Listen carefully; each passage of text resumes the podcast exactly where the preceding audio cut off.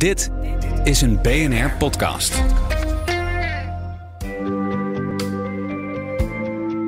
Wetenschap in het kort met Carlijn Meinders. Een heleboel fossiele materialen kunnen tegenwoordig vervangen worden door biomaterialen. Denk bijvoorbeeld aan plastic of kleding gemaakt van planten. Het idee hierachter is natuurlijk dat dit beter is voor het milieu. Maar in hoeverre is dat ook zo? Onderzoekers van de Radboud Universiteit legden de resultaten van 130 internationale studies naast elkaar om daar antwoord op te kunnen geven. Ze keken naar de hele keten, van grondstofwinning tot productie en afvalverwerking.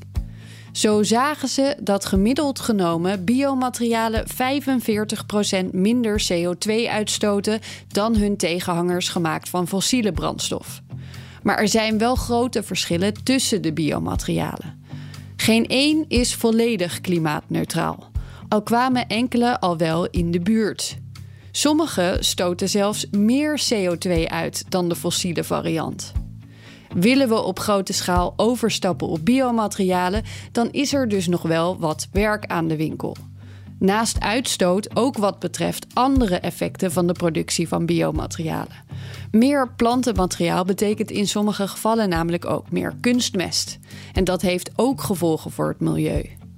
Het is volgens de onderzoekers dus belangrijk om naar het hele plaatje te blijven kijken, zodat we niet het ene probleem met het volgende probleem vervangen. Wil je elke dag een wetenschapsnieuwtje? Abonneer je dan op Wetenschap vandaag. Luister Wetenschap vandaag terug in al je favoriete podcast-apps. Hardlopen, dat is goed voor je. En Nationale Nederlanden helpt je daar graag bij.